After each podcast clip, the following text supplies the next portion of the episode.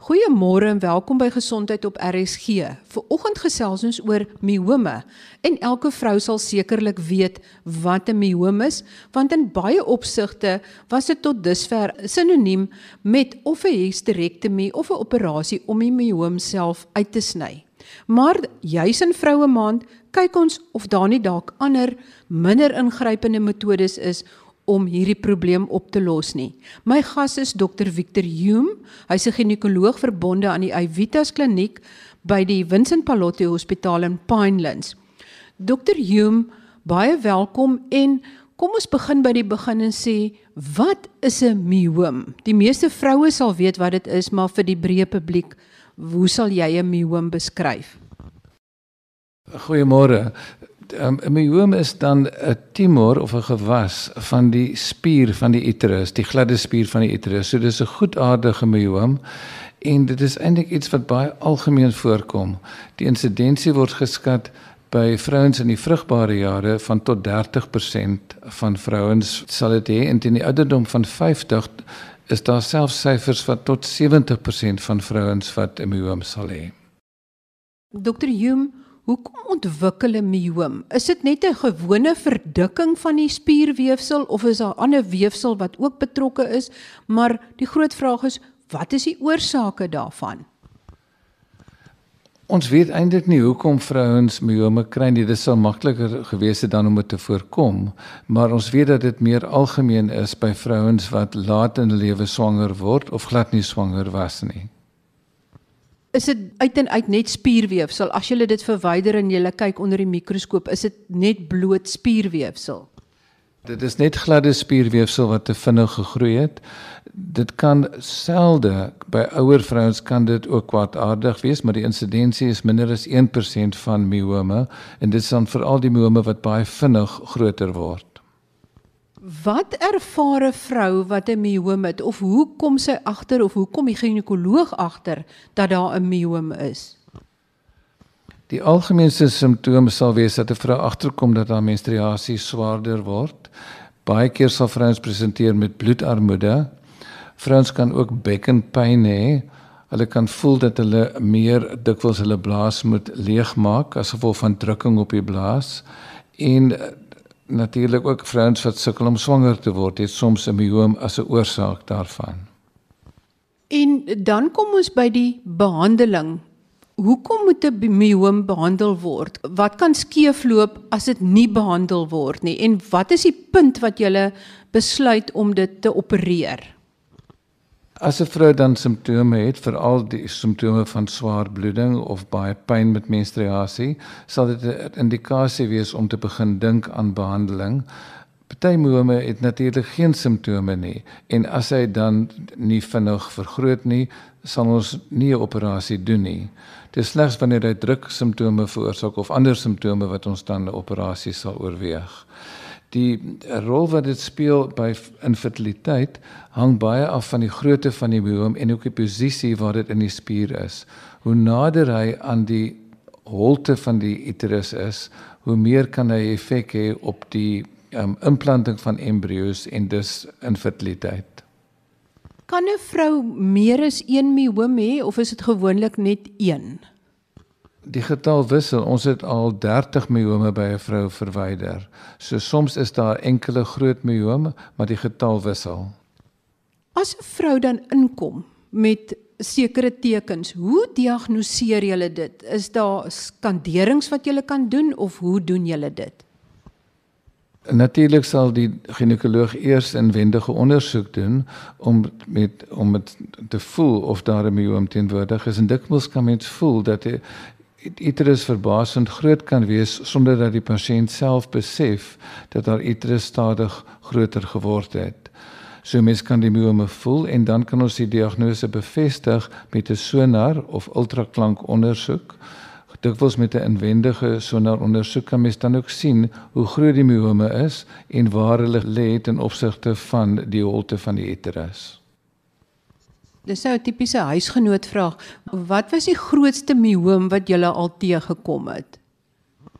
Ek het so tyd gelede 'n pasiënt gehad wat sy uterus so groot was soos 'n 20 weke swangerskap en sy was eintlik glad nie bewus daarvan toe ek haar daarop wys het sy gesê dat haar klere net stywer begin sit het. So ek dink dit is miskien elke vrou se droom dat daar so 'n chirurgiese oplossing is vir klere wat stywer sit. En hoe het julle altyd besluit verwyder julle net die myoom of verwyder julle die hele baarmoeder? Dit hang af van 'n vrou se behoefte of haar gesin voltooi is of nie. So as haar gesin voltooi is, en sy chirurgie genesende behandeling wil hê, dan is 'n hysterektomie aangedui.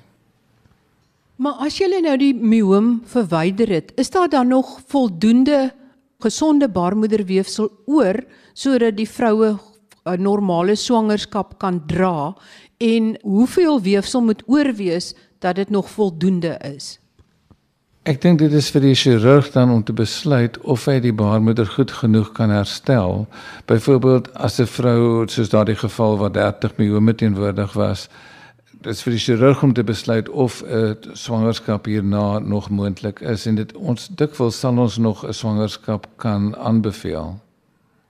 Dokter Hume, dan kom ons uit by nuwer tegnieke. Is daar nuwer tegnieke wat dit nie nodig is om chirurgie toe te pas om die myoom te behandel waar dit eintlik verwyder moet behoort te word of waar daar ingryping nodig is nie. Omdat myome so algemeen is en daar dan dikwels vrouens is wat nie geopereer wil word nie, is daar duidelike behoefte in die mark gewees en een van die tegnieke wat gedoen word is byvoorbeeld uterine arterie embolisasie waar die suurstof of bloedvoorsiening van die myome afgesny word en so dan die myoom laat kleiner word. Hierdie kan egter veroorsaak dat 'n vrou nooit weer menstrueer nie en nooit weer kan swanger word nie. So dis slegs aangedui vir vrouens wat se gesin voltooi is.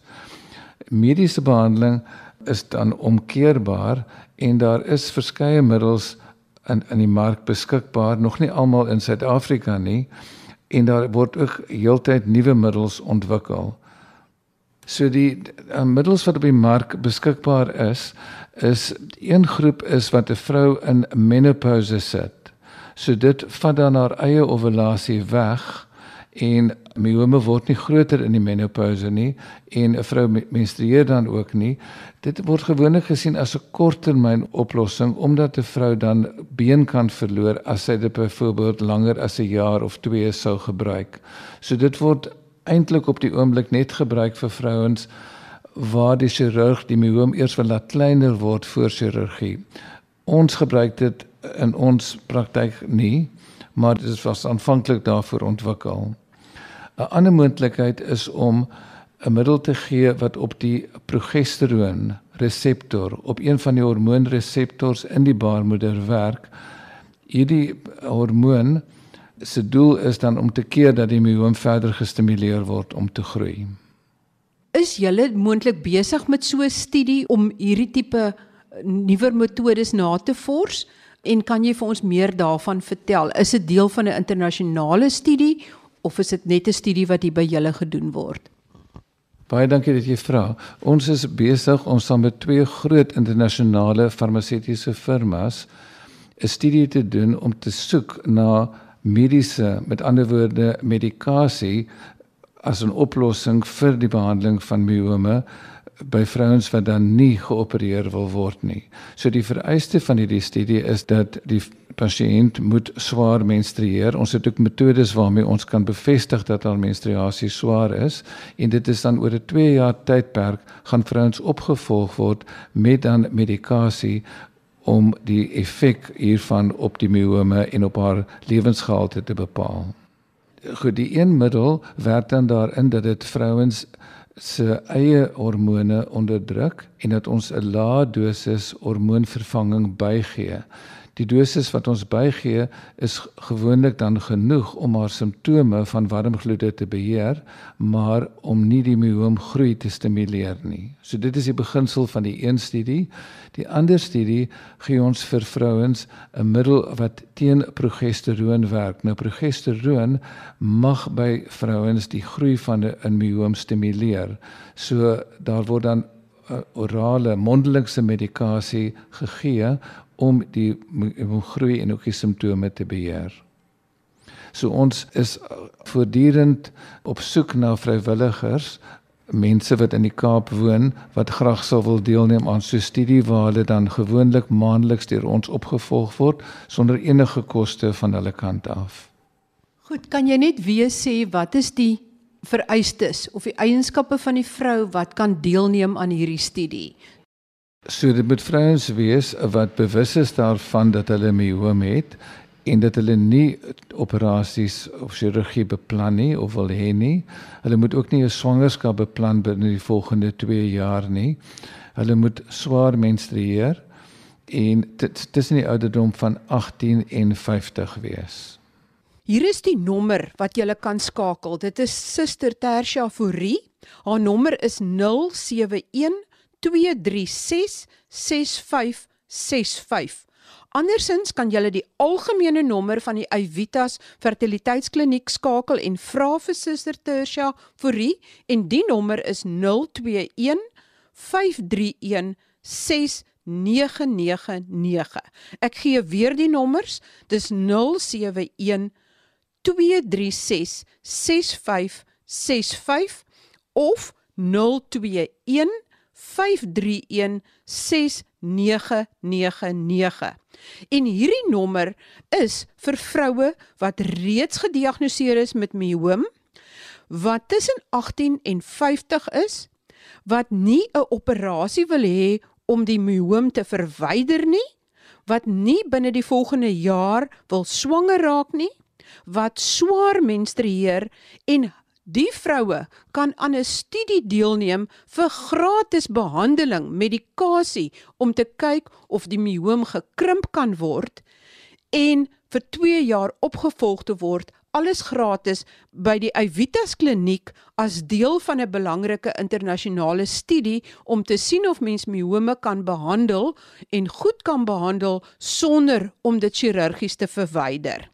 Ek sê dankie aan dokter Victor Hume, hy's een van die ginekoloë en fertiliteitsspesialiste by die Evitas kliniek wat hierdie studie gaan lei oor die behandeling van miome met medikasie, want miome is baie algemeen by vroue en dit kan een van die oorsake wees van onvrugbaarheid by jong vroue. Ek is by professor Ignou Siebert, een van die spanlede by die Evitas fertiliteitskliniek. Professor Siebert, Wat is endometriose? Endometriose is die waar die kliere aan die binnekant van die baarmoeder aan die buitekant voorkom. So net gou vinnige opsom. 'n 'n vrou dink altyd as sy menstrueer bloei sy. Maar sy bloei nie eintlik nie. Dis die binnewand van die baarmoeder wat opgebou is wat dan aan die buitekant uitloop vaginaal wat as hy gemeng is met bloed, maar hierdie kliere kan ook deur die buise terugvloei en aan die binnekant van die pelvis sit, aan die buitekant van die baarmoeder. En dis hier waar endometriose dan sy inflammatoriese effek het. So sommer net om in 'n lekker leuke taal te praat, is ek sê altyd as jy dink aan endometriose, moet jy dink aan iets soos 'n graasbin. As jy na 'n graasbin op jou arm kyk, dit is hoe endometriose lyk aan die buitekant van die baarmoeder. So dit is hierdie rou areas, dit veroorsaak pyn en alles wat daarop gaan vassit of dit die buise is of dit die eierstokke is of dit die darm is, gaan sit vas daar en dit is dan wat al die simptome veroorsaak.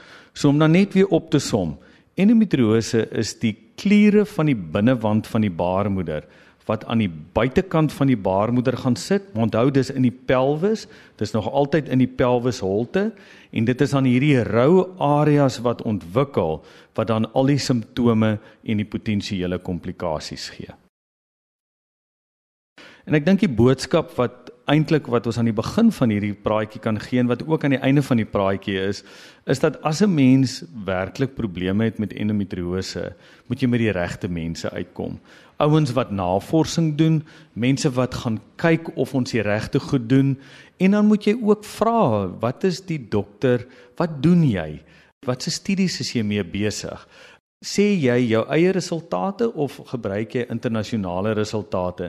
En ek dink dis een van die goed met endoskopiese chirurgie wat dit so lekker maak is ons kan vir julle fotos wys van wat ons doen. En daar's 'n paar regte gevaartekens wat ek sommer van die begin af wil sê as jou dokter jou opereer jou algemene ginekoloog 'n mens het regtig nie meer as een operasie nodig vir endometriose nie. As jy 'n tweede operasie van endometriose moet kry, moet jy by 'n endometriose kliniek uitkom. Want dan is die vraag al reeds, hoekom 'n tweede keer? En hoekom het dit herhaal en het ek erge endometriose? Het ek potensieel endometriose van my darm of van my blaas wat deur spesifieke chirurge geopereer moet word? So ek dink as 'n algemene riglyn, ons ginekoloë in Suid-Afrika word goed opgelei. Ek is self betrokke by die opleiding van hulle. Oor die algemeen behoort jy by jou algemene ginekoloog goeie dienste kry. Maar as jy daai tweede operasie kry, dan moet jy regtig waar mooi vra hoekom 'n tweede operasie en dan is dit die tyd om 'n tweede opinie. Vir my 'n tweede operasie onthou is gelykstaande aan 'n tweede opinie. En dit beteken nie dat jy nie jou dokter vertrou nie, maar dan wonder 'n ou, hoekom kry ek 'n tweede operasie? En dis wat dan nou gelykstaande is aan 'n tweede opinie. Waarom is dit so moeilik om daai endometriose chirurgies te behandel? Is dit omdat dit diep weggesteek is? Is dit omdat dit vasklou? Is dit omdat dit maklik is om deur ander weefsel of organe te sny? Hoekom is dit so 'n moeilike operasie? Ja, ek dink jy het nou al amper al die antwoorde gegee. So jy het nou al al die al die scenario's geskep. So endometriose kan ons gewoonlik nie diagnoseer net met 'n geskiedenis nie of net met 'n sonar nie. Ons het goeie suspisie So onthou nou die die kliniese tekens van endometriose is die ou klassieke drie simptome dis pynvolle menstruasies, kroniese bekkenpyn en dan ook pynlike gemeenskap. En dit is die algemene drie tekens, maar dit beteken nie dat jy endometriose het nie. En dit beteken ook nie dat as jy dit nie het, dat jy nie endometriose het nie. So dis net 'n goeie rigting aangewer oor wanneer ons moet 'n suspisie hê van endometriose. Die probleem is is die diagnose. Want jy klinies het jy nou die simptome, met die ondersoek is dit baie moeilik want die vrou het pyn en die ultraklank, die sonar kan net 'n sist van die eierstok sien, maar hy kan geen ander endometriose. Onthou daai endometriose aan die buitekant van die baarmoeder kan die ultraklank nie sien nie, maar dis net as dit 'n sist vorm. So nou kom jou vraag in. So dis al klaar so moeilik om te diagnoseer.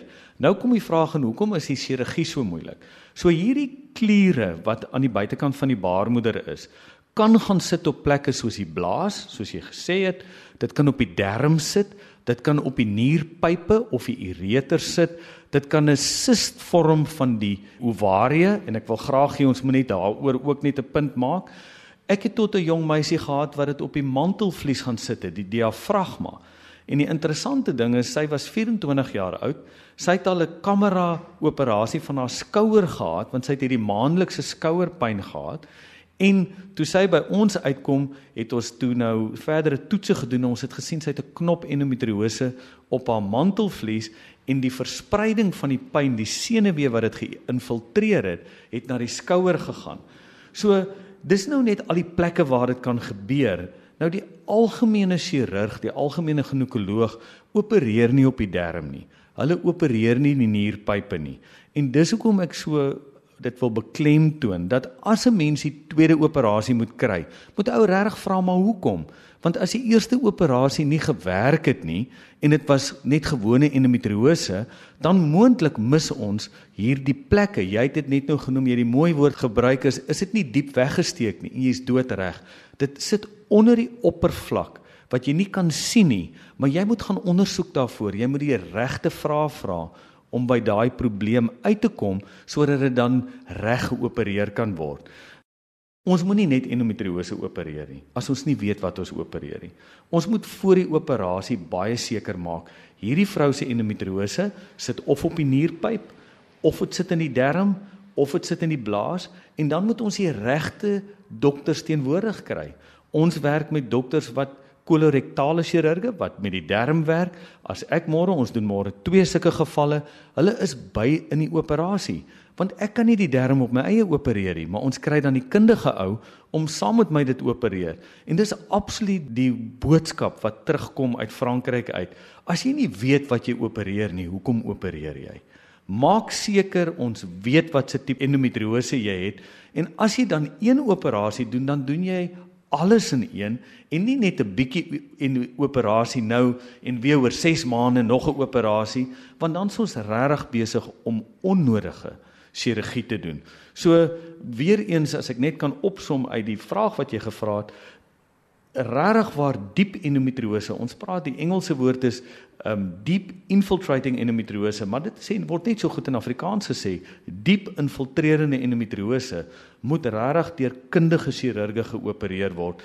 Mense wat dit weekliks doen en wat vir jou die beste resultate kan gee. So jou vraag is hoekom is dit so moeilik?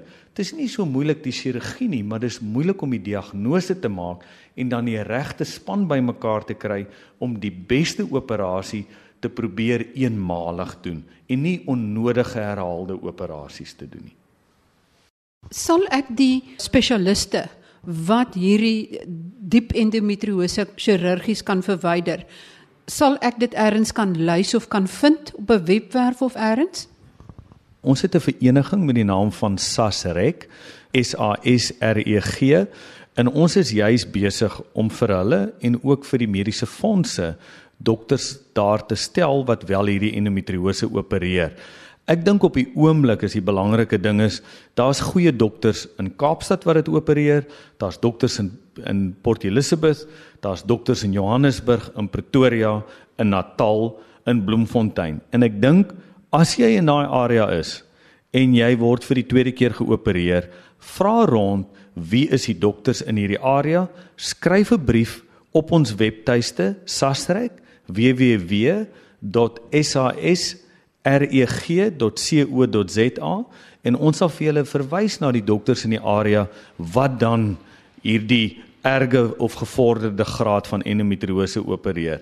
En as jy nog nie gehelp word nie, kan jy ons kliniek bel en ons sal vir julle aan die einde van die uh, gesprek die kliniek se nommer gee en ons sal dan vir julle sê julle kan met my praat en ek sal vir julle sê gaan na daai dokter toe of jy is by die regte dokter. Geen probleem. Hy sal jou probleem verder kan hanteer Baie dankie aan professor Ignou Siebert. Hy is verbonde aan die Avitas Kliniek in Pinelands en hy is ook verbonde aan die Departement Ginekologie en Verloskunde aan Universiteit van Stellenbosch. Hy is een van die land se grootste kenners op die gebied van endometriose en die behandeling daarvan. En die belangrikste boodskap is dat as jy gediagnoseer is met endometriose en jy het reeds een operasie gehad en dit kom daarop neer dat jy 'n tweede operasie moet kry of selfs 'n derde of 'n vierde besoek gerus van die beste kundiges in die land sodat in die tweede operasie al die oortollige endometriose weefsel verwyder kan word sodat jy nie 'n derde en 'n vierde en 'n vyfde operasie moet kry nie. Geen vrou behoort 'n derde en 'n vierde en 'n vyfde endometriose operasie te benodig nie, is die finale boodskap. Ons gesels volgende week weer gesondheidsake en ons gaan kyk na heupvervangings. Wat is die jongste daarin? Hoe goed kan dit werk en hoe word dit gedoen? Tot volgende week dan wanneer ons weer gesondheidsake gesels. Groete van my Marie Hudson.